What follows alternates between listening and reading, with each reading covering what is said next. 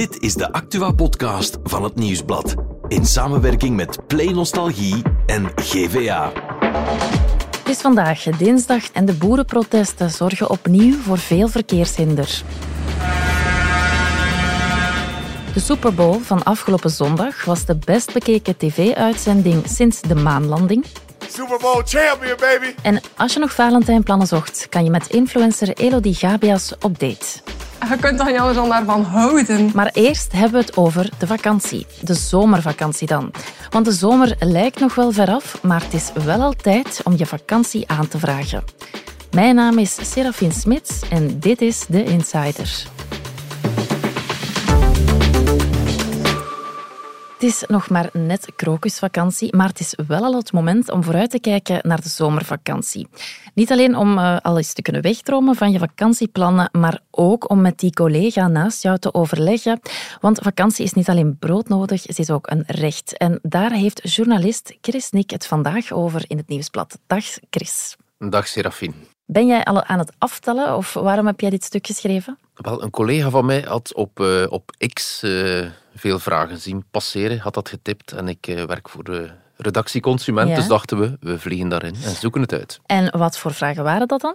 Typische vragen van wie, wie regelt nu de, de congés? Is, is dat mm -hmm. de baas, de collega's onder elkaar? wat met diegene die elk jaar zegt, ja, maar ja, ik heb al een reis geboekt. En, ja. Of ja, ik heb kinderen en ik mag dan toch die vakantie. Allee, herkenbare situaties op het werk. Ja, maar eventjes dan beginnen bij het begin. Want op hoeveel vakantiedagen heeft een werknemer recht? Wie fulltime werkt, mm -hmm. die heeft wettelijk recht op vier weken. Dus 20 dagen, maar daar kunnen nog extraatjes bij komen, zoals uh, anciëniteitsvakantie of wat feestdagen of uh, ja, cao-dagen, weet ik wat allemaal. Mm -hmm. En dan die dagen, die moet je binnen een bepaalde termijn opnemen? Ja, de 20 vaste wettelijke vakantiedagen, ja? die moeten op in het jaar zelf. Dus de vakantie van 2023 die moest op zijn in 2023. Um, de extra dagen die kun je even overdragen naar het volgende jaar. Maar dat zijn afspraken van uh, bedrijf per bedrijf. Hier is dat bijvoorbeeld uh, tot en met de krokusvakantie. En daar kan jij over meespreken, hè? Ja, klopt. Morgen ben ik er niet. Donderdag ook niet. Vrijdag ook niet. Congé van 2023 die je nog moet opnemen. Ja, want jij bent een vakantiespaarder dan? Ja, zo iemand. Ik heb eigenlijk het, het, probleem, elk jaar heb ik congé ja. over op het eind van het jaar, waardoor ik die dan in het begin van het jaar weer opneem en dan uh, in januari uh, altijd vier vijfde werk met congé op regenachtige dagen. Ja. En hoe komt dat dan dat je verlof over hebt? Ik begrijp dat nooit als mensen dat over hebben. Maar ik heb altijd tekort. Bij mij is dat een vicieuze cirkel. Hè. Sowieso, ik denk iedere keer in het begin van het jaar van ja, ik zal een beetje spaarzaam zijn, ik wil nog iets over ja. hebben op het eind van het jaar. Met als gevolg dat ik er dan in januari over heb, februari, en dan pas in maart begint te knabbelen aan mijn congé van het jaar zelf, en dan volgend jaar mm. waarschijnlijk weer in hetzelfde systeem zit. En ga je al je dagen dan kunnen opnemen, of ga je er ook kwijtspelen? Nee, nee, alles zal op zijn. Ja. Ik ben een spaarderig type, maar niet het heverig type.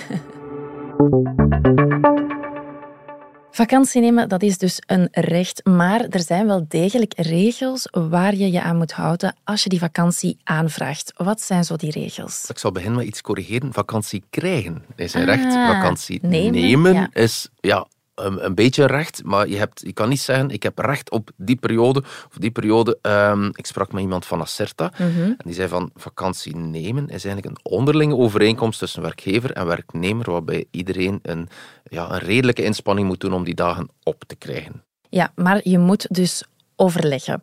Ja. Want elke werknemer die heeft 20 dagen vakantie, maar je kan die niet zomaar achter elkaar opnemen, bijvoorbeeld. Hè? Dat kan, maar dan moet de werkgever zeggen of de leidinggevende van dat is, uh, is goed voor mij. Wat er wel is, elke werknemer mm. heeft recht op twee weken aansluitende vakantie. Dus dat heb je wel, maar dat is tussen 1 mei en 31 oktober. Dus in de zomer kan je niet zeggen van ik ben nu twee weken weg. Wat? Je ja, kan dat, maar... Je kan dat, maar het moet goedgekeurd worden. Maar als een ja. collega van u zegt, ja, maar, ja, maar ik heb uh, jullie uh, recht op twee weken, dan kun je zeggen, dat is niet waar. In mei heb je ook recht op twee weken, maar uh, niet alleen dan. Oké. Okay. Stel nu dat je een vliegticket boekt of je boekt al een hele vakantie en daarna pas dien je je aanvraag in. Kan het dat dat dan geweigerd wordt? Dat is zeer pijnlijk, maar het kan wel degelijk, ja. Oké, okay. en in wat voor gevallen kan dat dan geweigerd worden? Dat zijn Ja, specifieke omstandigheden van een bedrijf. Ik denk een makkelijk voorbeeld is van... Uh, je denkt van, goh, ik zal uh, mijn 20 dagen inzetten in december om een mooie reis te maken, maar je werkt bij een bakker. Ja. dat zijn de feestdagen, hè. Dus die willen een minimumbezetting en die zal zeggen van, ja, maar ja, 20 dagen, dat, dat gaat niet. Dus uh, het hangt een beetje af van bedrijf per bedrijf. Een chocolatier, ja, dan moet je ook rond Paas niet afkomen en zeggen ik ben hier een maand weg. Hè. Ja, stel nu die aanvraag die wordt geweigerd, is er dan nog iets dat je kan doen? Je kan naar de rechtbank. Naar de rechtbank, dat is wel een grote stap. Ja, dat ik vroeg dat ook aan die uh, meneer Van Assert en die zei, ja, dat doet niemand. Uiteindelijk raakt iedereen er wel uit. Want ja, ja het sop is de kool ook niet waard om dan nog naar de rechtbank te stappen. Nee. Is het een goed idee om je vakantie eerst onderling te overleggen met je collega's en dan pas naar de leidinggevende te stappen? Of hoe pak je dat beste aan? De tip die ze ook bij Acerta geven is, uh, ja, bespreek het eerst onder elkaar. Dat is stap 1 van, ja, jij dan, jij dan, jij dan. En, uh, en dan naar de baas gaan van, kijk, we hebben het zo opgelost. En als het niet opgelost is, ja, dan... Uh, moet de baas het doen. Dan moet de baas het oplossen. Ja. Als je het onderling overlegt, dan bestaat wel het gevaar dat de ouders met kinderen vaak met die schoolvakantie gaan lopen. Hè? Ja, dat is zeer herkenbaar. Hè? Dat mensen met kinderen zeggen, ik wil eh, de vakantie dan opnemen. Uh, dat is geen recht. Nee, dat staat nergens geschreven van... staat niet in de wet. Mensen met kinderen hebben recht op alle schoolvakanties. Nee, dat, is gewoon uh, een onderlinge overeenstemming.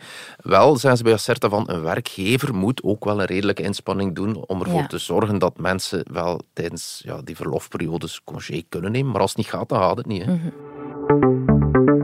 Maar Chris, soms is het wel makkelijk, want uh, er zijn bedrijven die een vaste verlofperiode volgen. Maar moet jij als werknemer die ook volgen? Ja, um, het is makkelijk. Je hebt geen ruzie met collega's. Iedereen is met congé dan. Maar beeld je in, je hebt maar 20 vakantiedagen op een jaar. En uh, er is een collectief verlof van vijf dagen. De, de bedrijf sluit tussen kerst en nieuw of zo, of ergens in uh, een andere vakantie. Ja, dan moet je volgen. Dan ben je er wel vijf kwijt. Allee, ja. kwijt en niet kwijt, die niet op een ander moment kan inzetten. Maar dat is zo bepaald. Uh, Grote bedrijven doen dat met de ondernemingsraad, kleinere met de vakbondsafgevaardigden en de hele kleine doen dat met, de, met personeelsoverleg en dat moet elk jaar goedgekeurd worden. Ah, okay. Maar je raakt er niet onderuit. En als jij dan de enige bent die het niet goedkeurt, wat dan, hoe, hoe gebeurt dat dan? Ja, dan heb je pech. Dan ik vroeg dat ook pech. aan, aan Asserte van Beeld Je, je gaat ergens werken en de week ervoor was er personeelsoverleg en iedereen zei van ja, ja dat is goed, in mei gaan we een week eh, de boat sluiten. En je denkt, ja, maar ik wil geen congé in mei. Ja, pech, het is, het is mhm. beslist. Dus, uh, ja. Over pech gesproken, heb jij een idee hoeveel mensen hun vakantiedagen niet opkrijgen en die dus kwijt zijn? Um, Attentia heeft daar vorig jaar nog een berekening rond gemaakt, maar dan wel van hoeveel congé mensen over hebben op het eind van het jaar. Ehm, de Belgische werknemer heeft gemiddeld 4,8 vakantiedagen over, waarvan 1,41 wettelijke. Dus ja, die ze kwijt zijn. 1,41, ik vind dat een gek getal. Dat is een gek getal, maar dat is zo met gemiddelde. Ja. voilà. Um, het zijn vooral jongeren, ja. jonger dan 30, die hebben zes dagen over, waarvan 1,39 wettelijke. Het omgekeerde bestaat ook. Uh, mensen halen het soms niet met hun vakantiedagen mhm. en die moeten dan onbetaald verlof nemen. Ja, dat kan. En daar bestaan niet echt regels over. Je mag gewoon zoveel nemen als je wil. Ja, je mag een jaar onbetaald verlof nemen, maar er is een maar, zoals met veel dingen, en dat is mhm. de werkgever moet akkoord gaan. Dus als die zegt, ja maar nee, een jaar of, of zelfs een maand, dat, dat, dat lukt hier niet, die kan, die kan weigeren. Maar omgekeerd kan ook. Uw werkgever kan ook zeggen van, Serafine, eh, volgende maand moet jij ah. niet komen, onbetaald verlof. En mag je dat dan weigeren? Ja, dat is het voordeel. Dan kun je ook zeggen van, nee, nee, dat zullen we niet doen. Ik kom toch met mijn duimen draaien. dan heb ik geluk met mijn werkgever, want ik ga zelf onbetaald verlof nemen. Hola. Ja, ja, voor um, vijf maanden in totaal. Oh, mag ik uh, indiscreet zijn en ja. uh, vragen wat je zal doen? Wat ik zal doen, ik ga uh, op um, fietsvakantie en ik ga fietsen van Alaska naar de grens met Mexico, dus door Canada en de VS. Daarvoor neemt de mens al een keer onbetaald ah, wel, verlof, Je hebt ervoor wel vijf maanden nodig, natuurlijk. Ja, ja, ja, of je moet zeer snel fietsen. dus we hadden al collectief verlof. Je kan ook onbetaald verlof nemen, maar dan is er ook nog sociaal verlof. Dat klopt. Ik heb dat even opgezocht, want ik ben geen HR-specialist. maar sociaal verlof, dat is wel wettelijk geregeld. En het heet officieel verlof om dwingende reden. En daar heb je recht op maximaal tien dagen, onbetaald ook. Ja. En wat zijn die dwingende redenen? Het kan, volgens de letter van de wet, enkel aangewend worden voor onvoorziene gebeurtenissen die bovendien de dringende en noodzakelijke tussenkomst van de werknemer vereisten. Kan je daar eens een concreet voorbeeld van geven? Um, de gezinswoning brandt af. Oké. Voilà, dan, uh, dan, kun je niet komen werken. Je hoeft dat ook niet te laten weten. Ja, je ah. kan dat vooraf niet aankondigen. Ah, ja, van, nee. ja, dus uh, dan kun je laten weten van ja, ik was er vandaag niet, want dat, is, uh, dat was een, een dringende reden of een dwingende reden. Um, mag je ook um, zo sociaal verlof nemen als je met je kind naar, uh, naar de tandarts moet, bijvoorbeeld? Nee, het moet een, echt een ah, ja, ja, acuut probleem zijn. Ja. Um, kind is zwaar ziek, je hebt vandaag echt geen opvang. Dan kun je dat sociaal verlof gebruiken. Maar dag twee, ja, uh, oma kan ervoor zorgen. Hè. Dus ah, dan ja. vervalt al het stukje van uh, dat de tussenkomst van de werknemer vereist is. Dus dag twee kun je dan al niet meer nemen in dat geval. En dan had jij ook nog een tip over hoe je zoveel mogelijk uit je vakantiedagen kan halen. Ja, klopt. In december heeft een collega daar een stuk over geschreven hoe je met 26 verlofdagen optimaal in te zetten 62 aaneensluitende oh, okay. dagen thuis kan zijn. Um, de truc is dat je je vakantiedagen gewoon uh, aan of tussen feestdagen plakt. Het is maar, dus een ja. cursus optimaal inzetten van vakantie, maar volgens mij ook een cursus uh, hoe maak je je snel onpopulair bij de collega's. Ik denk wel na deze podcast dat er heel veel werkgevers ineens massaal vakantieaanvragen gaan ja. krijgen.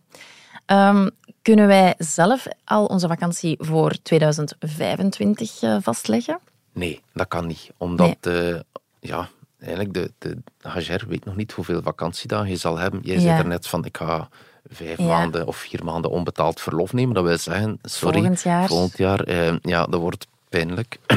maar je hebt minder congé. Dus ja. ja. nu weten ze dat wel al. Maar mocht je dat op het eind van het jaar beslissen, allee, ik kan niet zeggen, ik neem volgend jaar mijn 20 dagen, als dan blijkt dat je dat plots toch niet meer hebt. Dus mm -hmm. okay. het kan wel officieus met de baas regelen of de leidinggevende van, ja, kan ik dan wat congé nemen, maar officieel kan het niet. Heb jij je vakantie voor deze zomer al aangevraagd? Het is al afgeklopt met de collega's. Ja. We zijn er, we zijn er oh. vlot uitgekomen. Er is geen ruzie gemaakt. En, uh, dus ja, het komt in orde. Ik moet gewoon nog even laten weten aan de leidinggevende. Maar uh, het komt allemaal goed. Ga je deze keer leren uit je fouten en er minder over hebben dit jaar?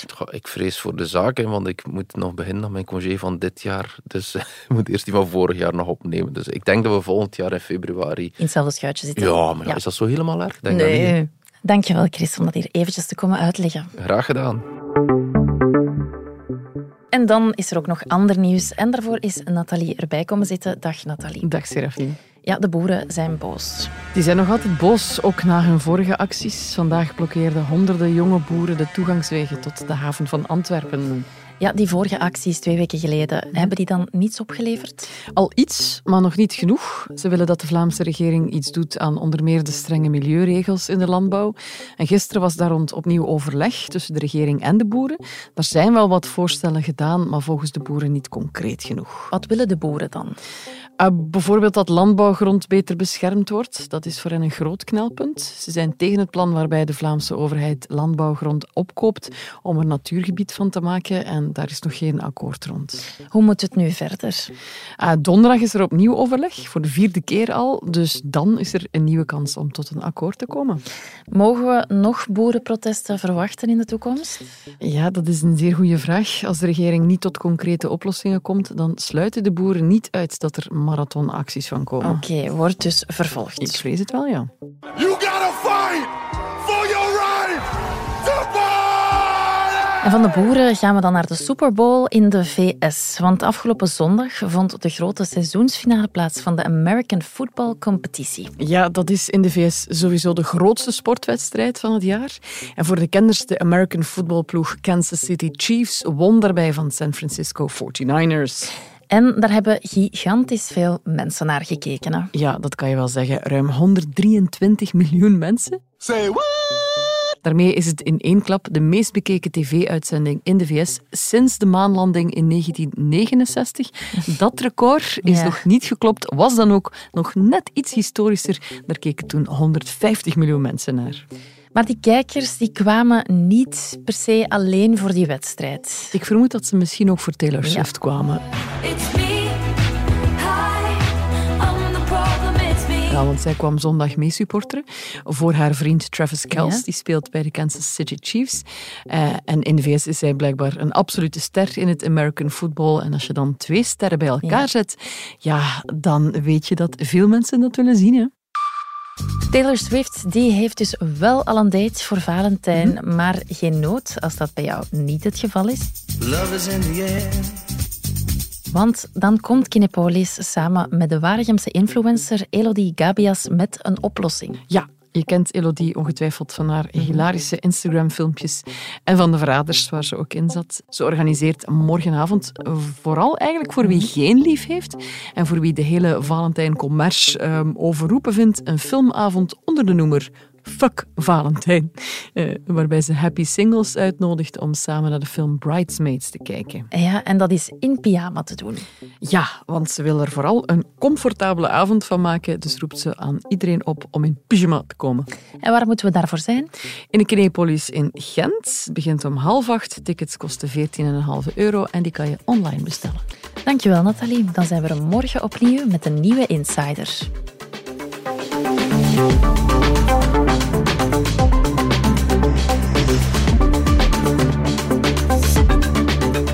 Was The Insider, een podcast van het Nieuwsblad in samenwerking met Play Nostalgie en GVA.